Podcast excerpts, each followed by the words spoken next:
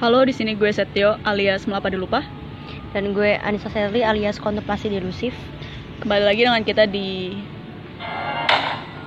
lewat jam malam. Oke, ini podcast episode kedua kita ya. Iya. Hari ini kita pengen ngapain ini? Jadi hari ini kita udah ngumpulin beberapa pertanyaan dari eh, lewat teman-teman kita juga di Instagram via Instagram dan udah kumpul beber- beberapa pertanyaan. Eh, kita sih nggak bakal nyebutin apa namanya ya karena itu privasi lah. Jadi kita bakal jawab beberapa pertanyaan eh, dari yang dari gue yang masuk ke gue dan yang masuk ke Setio juga. Oke. Mulai dari pertanyaan pertama ya. Ini dari teman kita, cowok. Inisialnya B. Pertanyaannya, do what you love atau love what you do? Coba dulu nih. Eh, bedanya apa tuh? Mencintai apa yang eh melakukan apa yang lo suka atau suka apa yang lo lakuin? mencintai apa yang lo suka Jadi gini, lo eh, apa ya? Lo ngelakuin hal yang lo suka atau hal yang lo lakuin itu lo suka? bedanya apa Beda. contoh Jadi gini, contoh misalkan eh, lo lebih mil lo misalnya lo seneng musik, Ah, lo lebih milih untuk eh, gimana ya? Lo lebih milih untuk nekunin musik atau tiba-tiba takdir lo jadi penyanyi. Nah, lo lebih milih untuk cintain takdir lo itu. Ngerti gak? oh gue lebih dua true love sih Dua colo. Kenapa? karena mungkin masih muda jadi gue dua true love Oke. Kalau gue gue pribadi lebih keimbang sih. Lebih condong ke dua to love karena kalau menurut gue hidup itu lakuin apa yang lo mau, tapi bakal lo bakal nemu kalau dari pengalaman gue ya, lo bakal nemu masa-masa di mana lo dituntut untuk melakukan sesuatu yang bukan passion lo gitu. Bukan bukan passion sih, yang bukan apa yang lo pengen. Jadi kayak eh, bisa jadi lo udah masuk ke kondisi kayak gitu lo nggak bisa pergi. Lo harus ngelakuin itu aja. Dan kalau udah kejadiannya kayak gitu ya lebih baik lo cari hikmahnya di situ. Love what you do gitu. Ah kalau love what you do gue lebih ke ini sih. Gue kalau udah gue udah kalau udah nggak suka sama sesuatu ya gue akan lakuin tapi tidak sepenuh hati dan Iya. ya hasilnya seadanya secara gitu sih. ideal menurut gue lebih ke do what you love. Tapi Iya. lo bakal dihadapin sama hal-hal Iya. yang menuntut lo untuk love what you do. Seperti sekolah contohnya. Yes. Itu what love what you do. Ya menurut kita gitu. Ya oke. Mungkin dari lo ada yang punya persepsi lain? Terus? Oke pertanyaan kedua dari cewek inisialnya A. Suka duka di Alpala em, susah dijelaskan sih Susah dijelaskan, suka duka di El Pala tidak ada ya namanya organisasi pasti ada suka dukanya. Dan itu tergantung gimana kita nyikapinnya sih. ya intinya suka duka lah pasti ada suka Pasti duka ada suka dukanya. susah Sukanya dijelaskan naik gunung. Dukanya ya biasa konflik-konflik organisasi. gitu deh gue nggak mau banyak komen sih oke lanjut ke pertanyaan dari teman gue apa namanya cewek inisialnya E katanya bahas gidong Soki anjay Waduh. kedemenan gue nih kalau kayak gini oh ada ada hubungannya juga sama gue. apa tuh Tadi pagi gue habis dari pemakaman yang Gi. Oh, iya. Habis ziarah. jadi Anis tadi pagi sebelum kita jalan-jalan hari ini dia ke Taman Prasasti Ya, museum Terus Taman Prasasti. Makam ngeposting foto di makamnya Soki dan itu ah gila itu sepi banget karena Hmm. mungkin lagi lib- lagi liburan juga Iya sih dan itu eh, ini loh apa kuburan itu sa- salah satu yang tertua Iya, uh-uh. dari enam eh enggak enggak kalau di makamnya berapa? Itu Hokgi ya? maksudnya lingkup apa eh, areal makamnya itu Hmm. makam tertua dari zaman Hindia Belanda gitu. Sokgi. Jadi ini kayak ya waktu tepat saya persilakan ke Setio lah karena ini idola idola cinta matinya jadi gue emang ngefans anjing ngefans kayak emang gue setertarik itu sama Hoki. Kenapa? Karena dari pemikirannya sih menurut gue kayak pas gue baca-baca pemikirannya Hoki terus gue kayak nonton film, baca semua bukunya, terus kayak cari-cari obrolan dia sama teman-temannya dan menurut gue kayak apa ya? Pemikirannya itu apa yang relevan sama gue sih. Kayak misalkan dari dulu gue selalu pengen punya teman yang bisa ngobrol sama gue. Tapi gue nggak punya siapa-siapa. Akhirnya waktu gue kelas 8 apa 9 gitu gue lupa, itu gue ketemu sama Sok, ketemu ketemu sama hal-hal yang baru Hoki terus gue ngerasa kayak anjing gue di ngertiin gitu kan Hoki sendiri kayak menurut gue orangnya idealis banget sih kayak kalau buat lo yang belum tahu dia orang pertama yang berani ngekritik genosida waktu zaman orde baru genosida 65 itu. Dia bikin artikel judulnya di sekitar eh di sekitar pembunuh eh pembantaian besar-besaran di Bali dan Jawa. Apa apa gitu gue lupa judulnya. Itu dia pakai inisial nama Dewa yang mana kalau lo bikin artikel yang ngekritik pemerintah saat itu hidup lo bener terancam sampai bahkan Hoki pas zaman zaman itu dia sering beberapa kali dikirimin surat kaleng yang minta dia untuk mati. Beberapa kali dia pengen dicelak dicelakain sama orang suruhan. Siapa gitu tapi dia tetap selamat dan ini sih menurut gue matinya Hoki itu puitis banget Hmm. kayak bener-bener puitis idealis idealis parah dia pernah nulis tentang seorang filsuf Yunani pernah berkata, nasib terbaik adalah tidak pernah dilahirkan. Yang kedua, dilahirkan atau mati muda. Dan yang tersial ada berumur tua. Berbahagialah mereka yang mati muda. Malu kecil kembalilah dari tiada ke tiada. Berbahagialah dalam ketiadaanmu. Dan menurut gue lewat kalimat itu, itu salah satu kalimat yang udah ngeindikasi kalau misalkan Hoki bakal mati muda. Eh, dia kan mati di puncak Semeru ya, keracunan asap, keracunan asap Mahameru dan meninggal di situ bareng Idan Lubis. Dia sebelum mati kalau lo baca buku hariannya yang catatan seorang demonstran, dia cerita soal dia ngerasa udah jadi monyet monyet monyet di kandang. Dia nggak mau hidup kayak gini.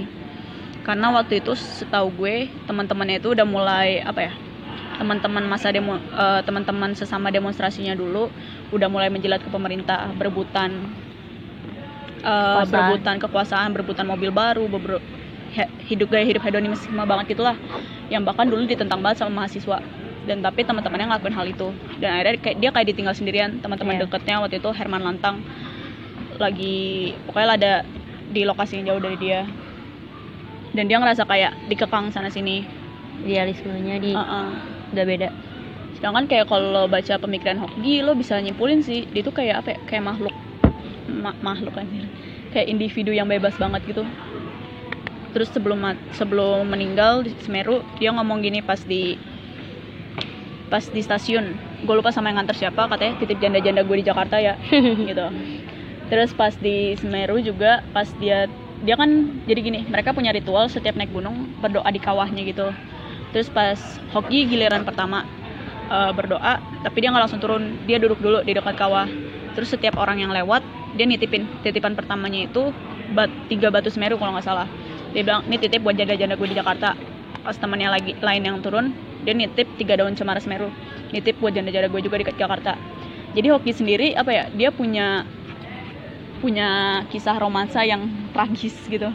Semuanya itu berujung pokoknya semua itu nggak lancar gitu loh. Kayak contohnya sama Kartika kalau nggak salah namanya ditentang sama uh, budenya mereka yang punya pikiran konservatif. Karena Hoki itu dia sering banget sering banget apa ya mengkritik pemerintah. Jadi kayak nenek itu nggak suka karena neneknya tuh konservatif banget gitu nggak mau dia nggak bisa lah ne- nerima gaya hidup yang bebas gitu. Terus kayak siapa lagi ya? Maria Maria ini yang bapaknya itu nolak karena Hoki aliran politik banget. Hmm. terus eh Kartika apa Kartini gitu gue lupa tadi. Kartini. Terus Kartini. Kartini kalau nggak salah. Abis itu apa ya sebenarnya banyak sih Hoki. Aduh anjing gue jadi kayak ngalor ngidul nih. Nggak apa. Oh iya kayak kan Hoki waktu di Semeru dia wafat bareng Idan Lubis ya. Nah Oh Idan iya, Lubis Idan Lubis. sendiri Ya. kerennya lagi. Ini yang sebenarnya underrated banget sih ceritanya jadi Idan sendiri sebelum naik Semeru dia udah bikin puisi yang ngeindikasin kalau dia bakal wafat di Semeru mungkin kapan-kapan gue bakal share tentang puisinya Idan yang menurut gue romantis banget juga gitu. wafatnya mereka sama-sama puitis gitu sih menurut gue dan meninggal di Heeh. apa tanah tertinggi Jawa tanah tertinggi Jawa dan oh ya Ya. Hoki lahir gini di buku hariannya itu dia ngomong saya dilahirkan pada tanggal 17 Desember 1942 ketika perang tengah berkecambuk di Pasifik. Jadi dia lahir tanggal 17 Desember 1942 dan wafat tanggal 16 Desember 1969 satu hari sebelum belum kematiannya. kematiannya. Eh sebelum Eh, ulang tahunnya. ulang tahunnya. Itu nambah nilai puitisnya. Terus gini sih gue eh, gue inget dulu gue pernah baca buku novel novel ece-ece banget lah novel horor ece-ece banget gitu. Dia bilang ada kalimat lo pengen mati caranya kayak gimana gitu. Terus di situ kan karakter di novel itu cerita soal kayak dia pengen mati caranya kayak gini gini gini gini. Kalau gue pribadi gue punya jawaban pas itu. Gue pengen mati di anta berantah sampai akhirnya gue ketemu ke cerita hoki.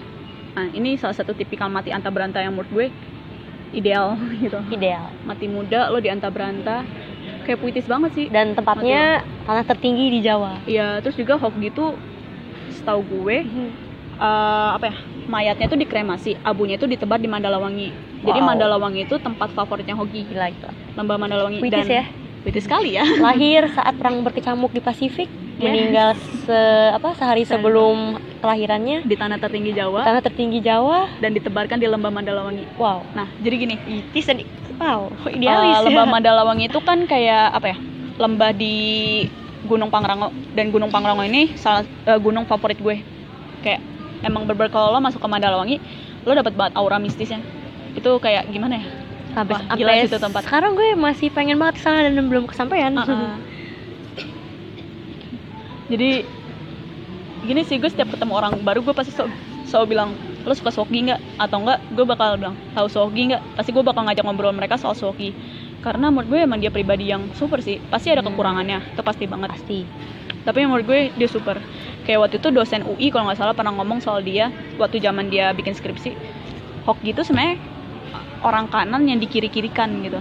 Jadi kayak hoki itu emang pas zaman itu dia menentang banget komunisme.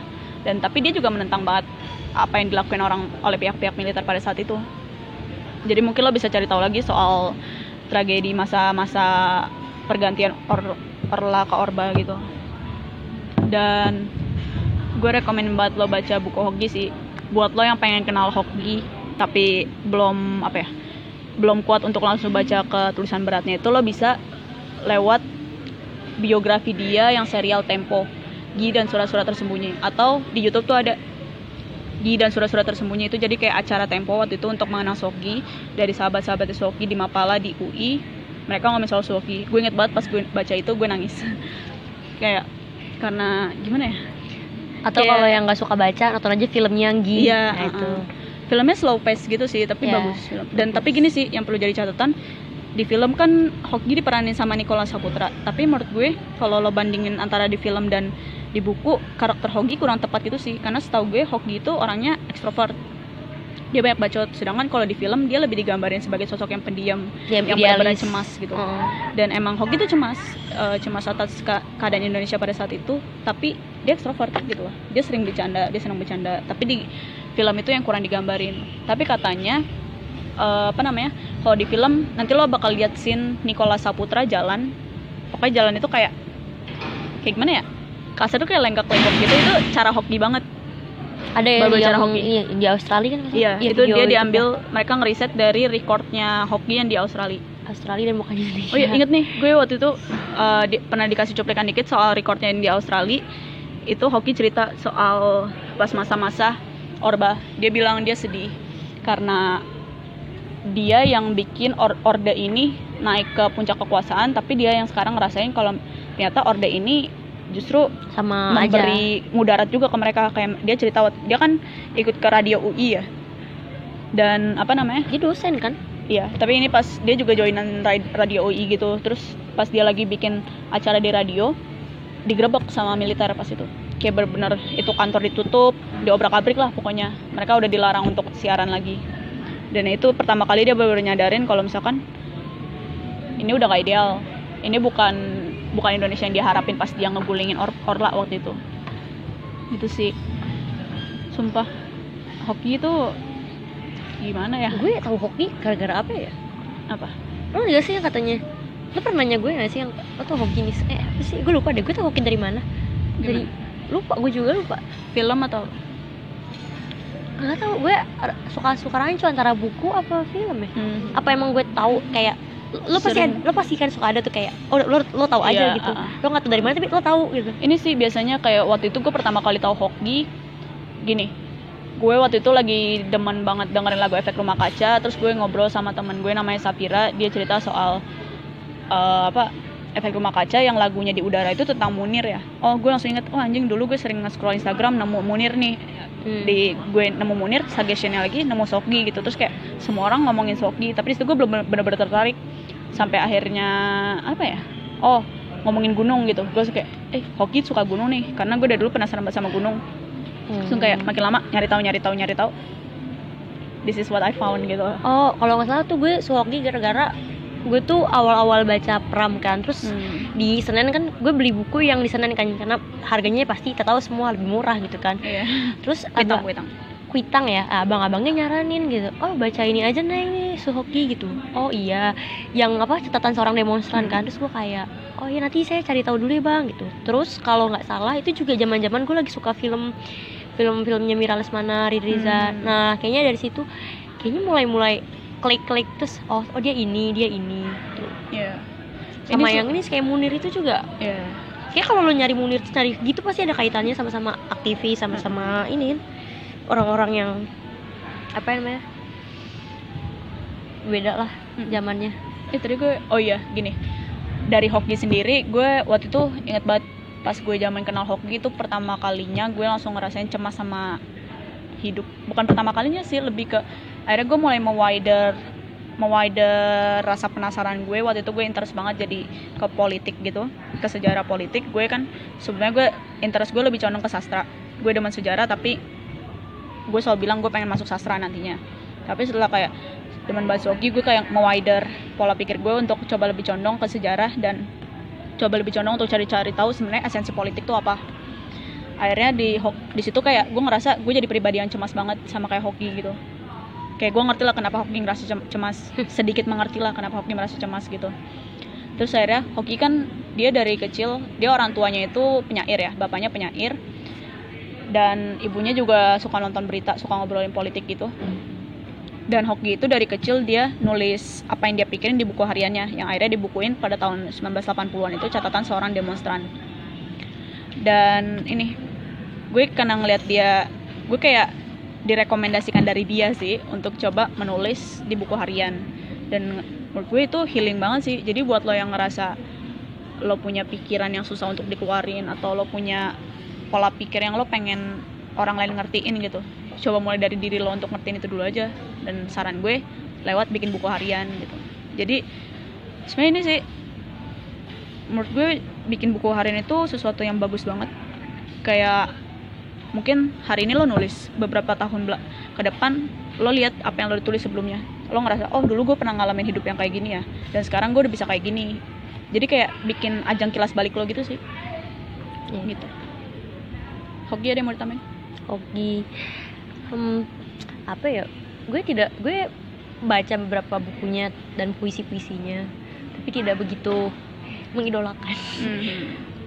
Tapi eh, ini sih benar Setio beberapa apa sih pikir- pemikiran-pemikiran mereka itu relevan Iya.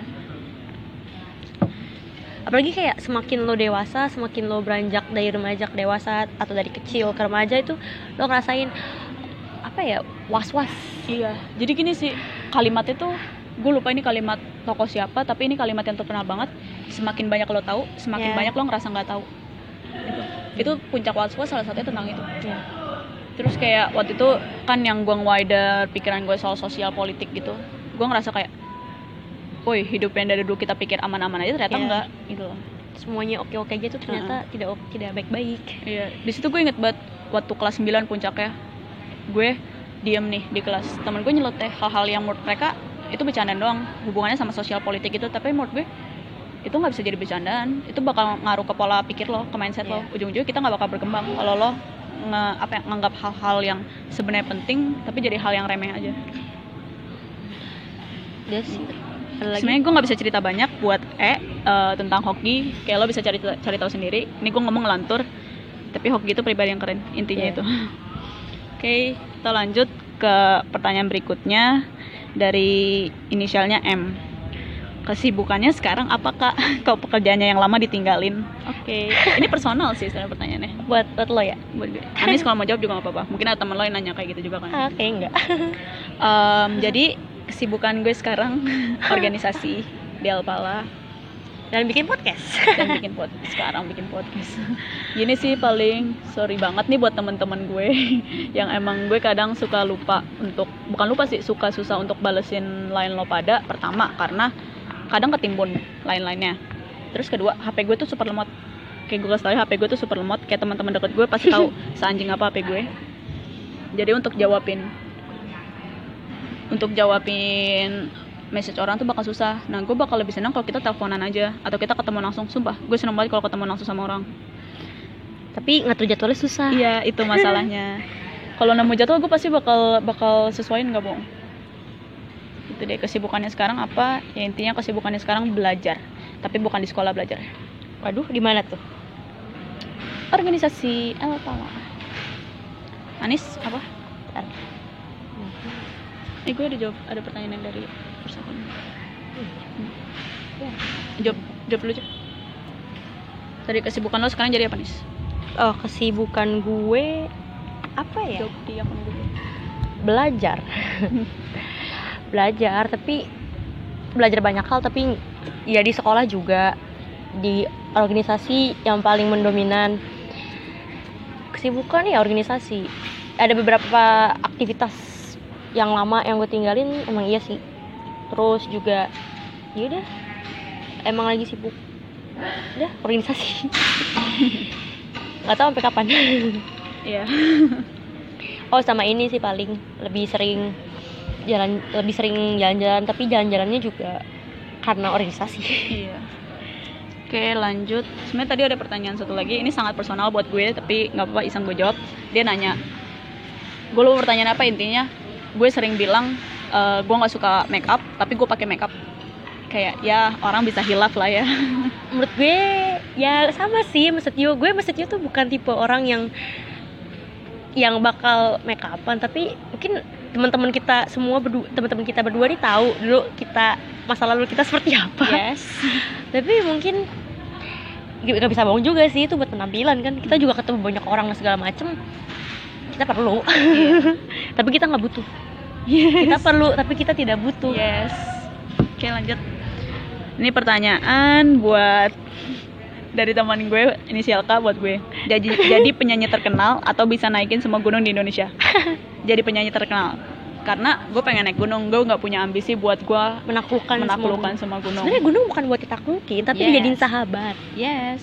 Sebenarnya gue pengen banget jadi penyanyi gak bohong. Kayak gue suka banget sama musik. Ini hal yang sering gue pikirin kayak ada satu hal yang gue pengen banget itu gue cinta banget itu tapi nggak bisa gue gapai. Musik anjing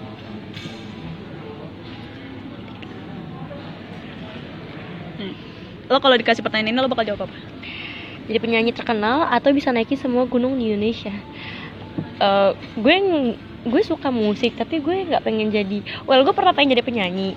Eh ya jadi penyanyi kayaknya. Soalnya kalau naikin semua gunung gue tidak begitu suka gunung tapi ya suka naik gunung tapi tidak Ambisi. harus ambisi taklukin semua gunung Indonesia atau gimana. Eh enggak sih itu gue sih nggak dua-duanya Oke lanjut. Dari eh, inisial P, film favoritnya Sumanjaya.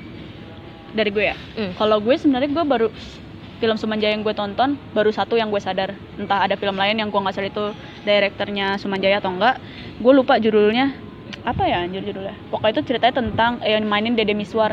Si Dede Miswarnya itu tentang eh dia jadi petinju gitu.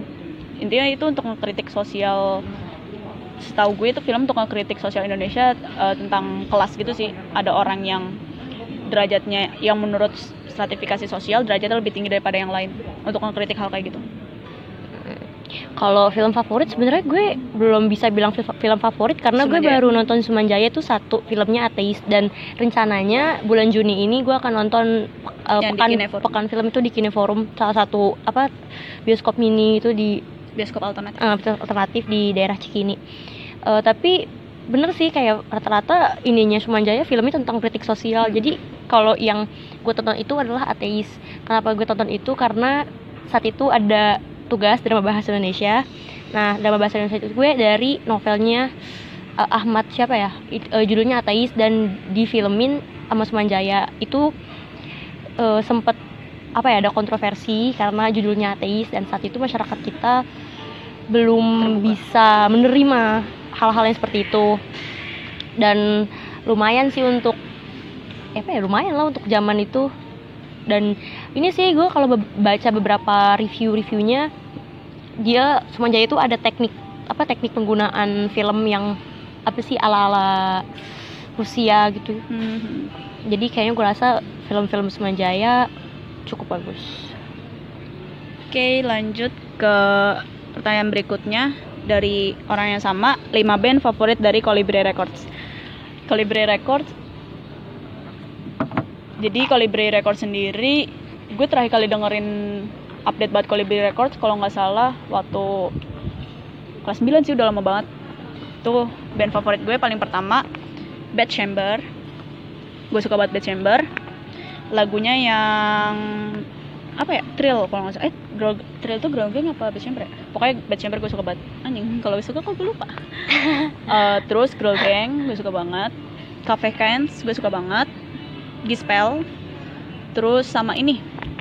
Apa? Yang low low pace ya apa apa gitu gue lupa. Gispel sih gue suka banget. Yang video klip video video klipnya dua cewek itu. Iya kan ya Coba gue udah lama banget gak dengerin Colibri Records tapi gue dulu Colibri Records salah satu label musik favorit gue. Tapi ya short term favorite gitu loh gitu. Loh gue nggak tahu kok eh, gue tuh kalau ini suka sama lagu dan musik seperti yang udah gue bilang di episode 1 gue dengerin soundnya dulu baru gue eh, ini artisnya. Jadi gue nggak Hmm. begitu tahu sih itu Colibri Records atau bukan band yang gue suka dengerin. Hmm, apa ya paling yang gue tahu Girl Gang Bad Chamber. Iya Eh, paling itu doang sih. Jadi gue kayaknya kurang tahu sih. Bisa aja band yang suka gue dengerin tiap hari itu ternyata Colibri Records. Hmm. terus next. Habis itu dari inisial V gimana caranya buat ngerasa cukup? Hmm. Manus- manusia tidak pernah puas. Yes. Jadi mungkin caranya adalah bersyukur supaya puas. Tapi nggak puas sih. Gua- kayak mama dede banget. Kayaknya bukan puas sih. Lebih apa ya? Karena cukup. ditanya itu cukup bukan puas cukup. Ngerasa cukup. Bersyukur. Syukur. bersyukur nggak ada kata lain karena manusia tidak pernah merasa cukup dan merasa Iya. ya gimana ya? Bersyukur. Kalau dari gue ini menurut gue ya untuk jawab soal gimana cara ngerasa cukup ya bersyukur gitu lo kayak lo nggak hargain apa yang lo udah lakuin dan lo merasa ya ini kita ini gue udah memenuhi ekspektasi gue sebelum ini. Tapi kalau Hmm. saran gue sebagai manusia jangan pernah ngerasa cukup sih tapi in a positive way gitu. Kayak kalau lo ngerasa cukup ya lo nggak bakal berkembang ke depannya. Eh, kalau buat gue cukup kita cukup untuk menghargain apa yang kita udah capai. Untuk nantinya kita jadiin ajang buat kita ningkatin itu. Kalau gue biasanya comparing sama yang lain atau sama sesuatu yang lain. Misalkan di di pencapaian ini gue jelek. Di pencapaian satunya lagi gue bagus banget nih. Nah biasanya gue memotivasi sendiri untuk wah gue bagus di sini nih wah ini cukup banget buat gue gitu. Hmm. Gitu. Terus, sama gimana cara buat merasa cukup ya tadi per- pertama bersyukur sama kedua eh, lo harus tahu apa ya lo harus tahu limit lo di mana ya ya jangan sampai eh, lo ngerasa sebenarnya kita tahu lo sebagai manusia lo bisa break your limit tapi tetap limit yang dihancurin sekalipun bakal punya limit yang lain gitu loh. Jadi kayak sampai kapan pun lo ngelakuin lo harus tahu limit lo di mana. Jangan sampai lo malah ngerusakin diri lo sendiri gitu. Kayak gue udah pernah ngalamin berapa kali gue ngerusakin diri gue sendiri karena gue Ya. ngerasa gue bisa break my limit tanpa gue tahu ternyata limit gue di situ gitu loh. Ya. terus lanjut. Dari N. Opini lo tentang demo kemarin. Demo yang mana? dua-dua. Oh dua-dua aduh males gue jawab yang kayak gini-gini. Mager banget sih ini kayak obrolan. Sebenarnya gini sih gue ini seru obrolan yang seru banget kalau kita nggak ngerekam karena kalau kita rekam rasanya kayak apa ya kita Akan- seolah menjadi menjadi pemikir gitu. Iya. Karena padahal sebenarnya ini nggak nggak mau di skip tapi boleh lah ngobrol dikit soalnya. Apa ya gue udah mager sih dari yang sebelum dua-dua dua satu dua ya empat gue sebelas. ya gue nggak tahu sih itu ada hubungan atau nggak tapi gue aduh malas aja deh ngopi ini kayak aduh ngapain sih udah ini 2019 gitu kan. Masih ada aja yang kayak gini-gini gitu. Ngapain?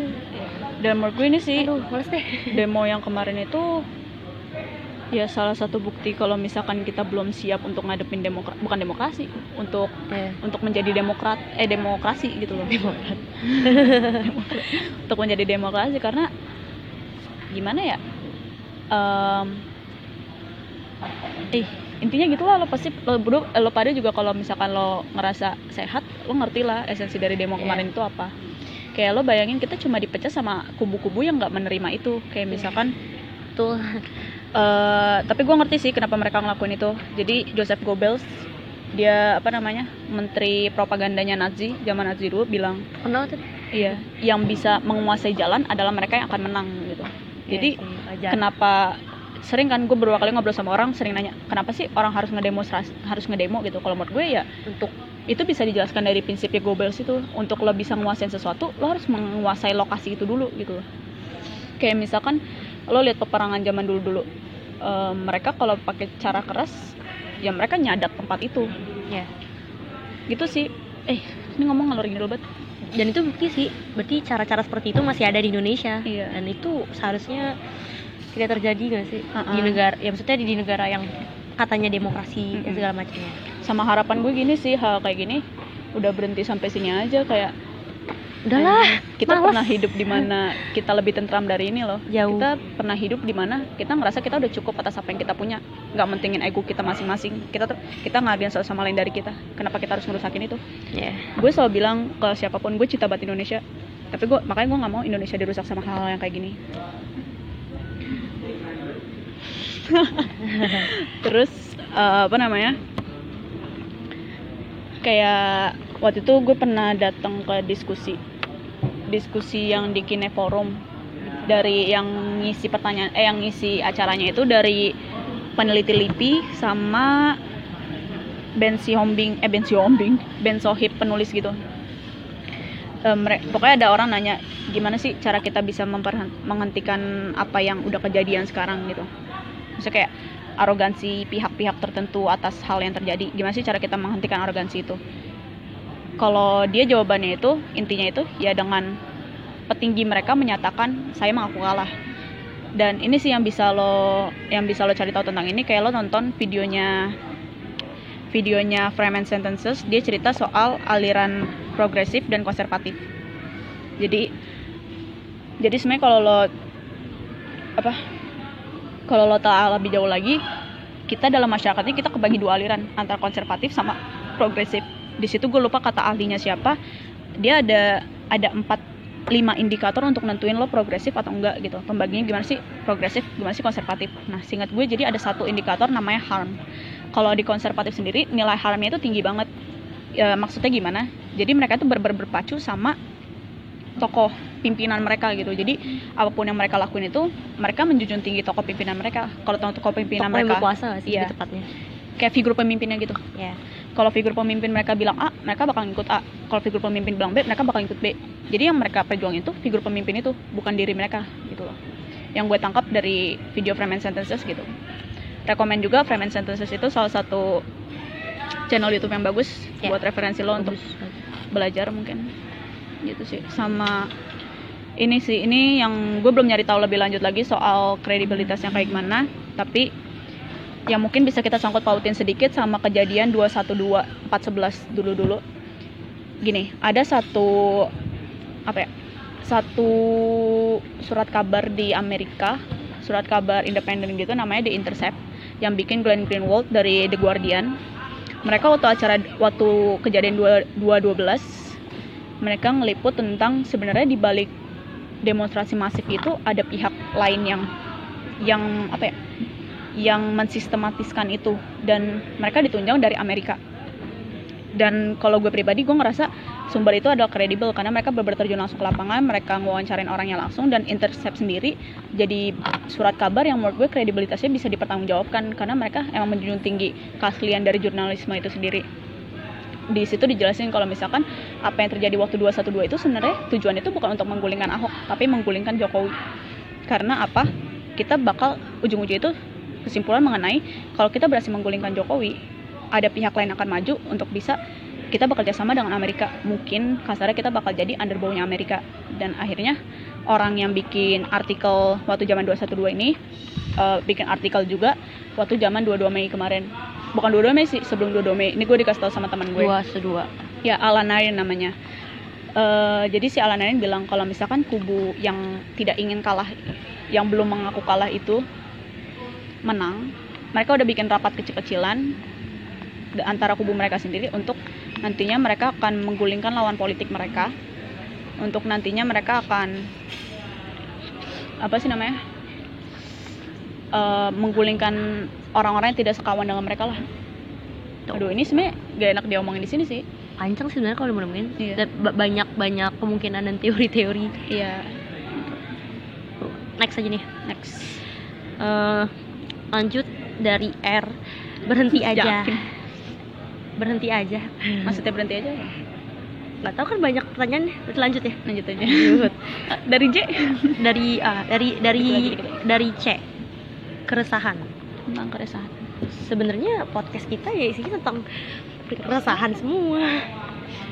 Iya. Dari lo dulu ini mungkin maksudnya kayak tanggapan kita soal keresahan kali. Keresahan keres keresahan apa ya? Pasti sifatnya personal dan jatuhnya bakal meluas cakupannya karena ada kaitannya dengan ling apa lingkungan di sekitar kita. Apa ya? General banget sih nih keresahan setiap orang pasti punya keresahan gitu dan kayak keresahan itu bisa jadi amuk bagi lo tapi bisa juga jadi sesuatu yang memicu lo Memicu. memacu lo memacu lo gitu ini sih kalau gue kita perlu perkecil konteksnya dulu kita ngomongin keresahan keresahan atas apa gitu. Iya. misalkan kalau dari gue ngelihat dari orang yang men- yang menanyakan hal ini mungkin kita bisa bilang keresahan kita atas kegagalan atau keresahan kita atas mengecewakan orang lain gini sih kalau gue ngalaminnya kayak mungkin ada beberapa orang yang ngerasa jawaban gue nggak akan sampah karena apa ya karena mereka nggak ngelihat hal itu. Tapi kalau mereka ada di posisi gue mungkin mereka akan menghilami ini. Waktu itu gue pernah bikin snapgram di close friend gue cerita soal amor fati amor fati itu hmm, paham yang dianut oleh filsuf stoa tentang gimana lo merangkul nasib lo gimana lo mencintai nasib. Amor itu artinya Iya. mencintai fati itu artinya nasib. Kayak lo bakal resah atas sesuatu lo takut eh, untuk hidup lo nanti jadinya bakal kayak gini kayak gitu kayak gitu. Tapi kayak ya lo bisa ngilhamin amor fati itu. Karena apa pun yang terjadi ke depannya banyak hal force major lain yang di luar dari apa ya kuasa lo gitu loh. Iya. jadi misalkan kita ngomongin keresahan kita takut gagal. Lo udah yakin belum sama diri lo? Yang lo lakuin selama ini tuh udah kerja keras lo. Kalau lo nanti nggak ngeliat hasilnya lo coba telaah lagi apa ini semua salah lo? Kalau harapan gue kalau lo ngerasa udah jadi pribadi yang baik at least buat diri lo sendiri jangan ngerasa ini jadi salah lo gitu. karena kalau lo ngerasa ini jadi salah lo lo susah untuk ngelihat hal-hal baik yang udah lo lakuin. Kayak lo telah lebih lanjut. Bisa jadi ini faktor cuaca bisa jadi ini faktor lingkungan bisa jadi ini faktor orang-orang lain yang menghambat apa yang lo udah lakuin gitu loh. Terus kayak kalau lo udah resah jadi itu sesuatu yang tadi Anis bilang sih untuk macu lo. Iya. karena kayak Hoki sendiri dia resah hidupnya resah banget. Tapi dia jadi orang yang sampai sekarang akhirnya kita kenal yang kita kenal banget. Karena dia manfaatin keresahan dia untuk sesuatu yang Iya. positif jangan jadi sering banget kan lo nemuin orang yang kayak dia resah dia takut dia gelisah segala macam akhirnya dia cuma pundung gak ngapa-ngapain untuk hidupnya. Dan menurut gue itu orang yang sangat sayang banget atas hidup dia. Ambil hikmahnya lah. Ambil hikmahnya. Next. Dari C podcast apaan? Podcast itu media kita berbicara. Yes. Next. Dari A ngomongin pergaulan SMA dong. Hmm gimana nih? Dari lo dulu. Pergaulan SMA SMA di Jakarta SMA di mana? Tergantung sih. Kembali lagi di mana tempat lo sekolah. Pertama itu tempat. Terus sekolah macam apa yang lo eh, apa? Masuk masukin. Terus di mana di mana di mana letak spesifiknya? Gitu. atau mungkin sekarang pandangan lo tentang pergaulan di SMA lo sekarang gitu? Pergaulan di SMA gue. Murid-muridnya atau siswanya nih? Eh murid atau siswanya? Murid-murid atau atau apa nih? Secara general atau gimana? Intinya pergaulannya. Gaulan menurut gue masih dalam batas wajar. Hmm. karena kalau gue gue kan punya sepupu dan sepupu gue SMA-nya berbeda dengan gue gitu. Dan gue dikenalin dengan teman-teman sepupu gue ini dan ternyata saat gue bergaul sama mereka ternyata wah kalau kayak gini sih yang dibilang yang dibilang bandel di sekolah gue nggak ada apa-apanya sama yang di luar sana. Ini masih batas wajar dan ini menurut gue masih dalam batasan yang namanya juga anak muda mau coba-coba. Dan itu bukan suatu yang salah gitu. Menurut gue.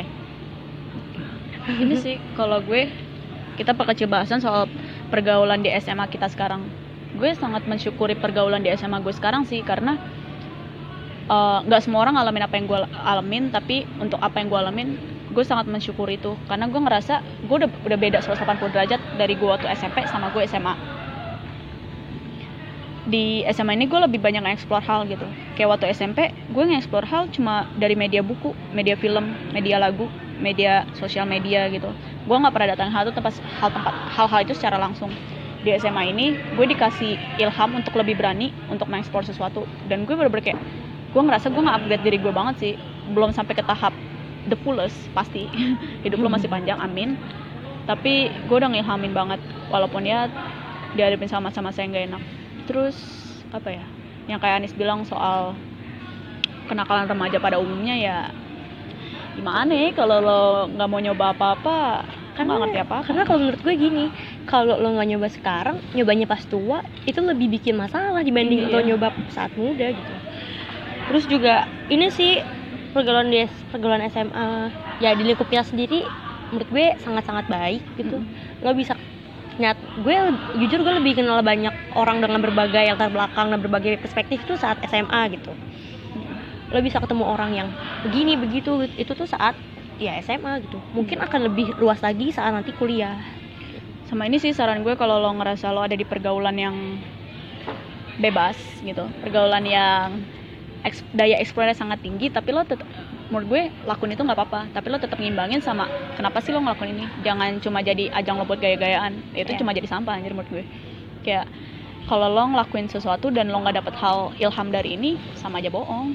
Ya. Dan menurut gue saat lo masa-masa seperti ini masa-masa pergaulan SMA ini lo ekspor sebanyak mungkin. Karena supaya- katanya kalau udah gede hidup lo nggak bakal sebebas sekarang. Iya. Dan lo nggak kaget saat nanti iya eh, sa- sa- saat lo nanti udah udah dewasa lo nggak kaget oh ternyata ada lo orang yang buruk ada lo orang yang kayak Iya. gini ada yang kayak gitu. Ini kita ngomong seolah-olah kita bakal tahu nanti ke depannya gimana. Ini kita cuma dapat perspektif dari orang lain yang udah ngalamin hal ini. ya Ada yang mau ditambahin? apa ya ya kalau ngomong pergaulan SMA bener sih nikmatin aja gitu Iya. nikmatin aja ya Udah deh. Udah itu pertanyaan terakhir yang kita kumpulin sekarang. Mungkin nanti ada nggak tahu juga sih. Mungkin kalau ada yang nanya-nanya lagi nggak bisa kita eh nggak bisa kita jawabin karena kita udah selesai ngerekam sekarang. dan ya Dan gitulah. Thank you banget buat yang udah dengerin podcast. ya makasih juga yang udah mau nanya walaupun ada beberapa yang pertanyaan-pertanyaan yang yang sebenarnya nggak perlu ditanyain tapi nggak apa-apa tuh ya makasih juga udah udah menjadi pendengar setia Cil. anjing Oke. acara radio udah Sekian. semoga apa yang kita omongin bisa jadi apa ya bisa jadi bahan lo bahan positif buat lo gitu. Atau Yeah. bahkan lo punya pemikiran yang berlainan sama kita ayo kita diskusi bareng juga nggak apa-apa. Tuh oke. Oke. tutup aja. Ya udah. Sekian dari kami sekian dari gue Setio alias Melapa Lupa. Sekian dari gue Anissa alias kontemplasi delusif makasih buat yang udah dengerin lewat jam malam hari ini. Ya. thank you. Thank you. Dah. Dah.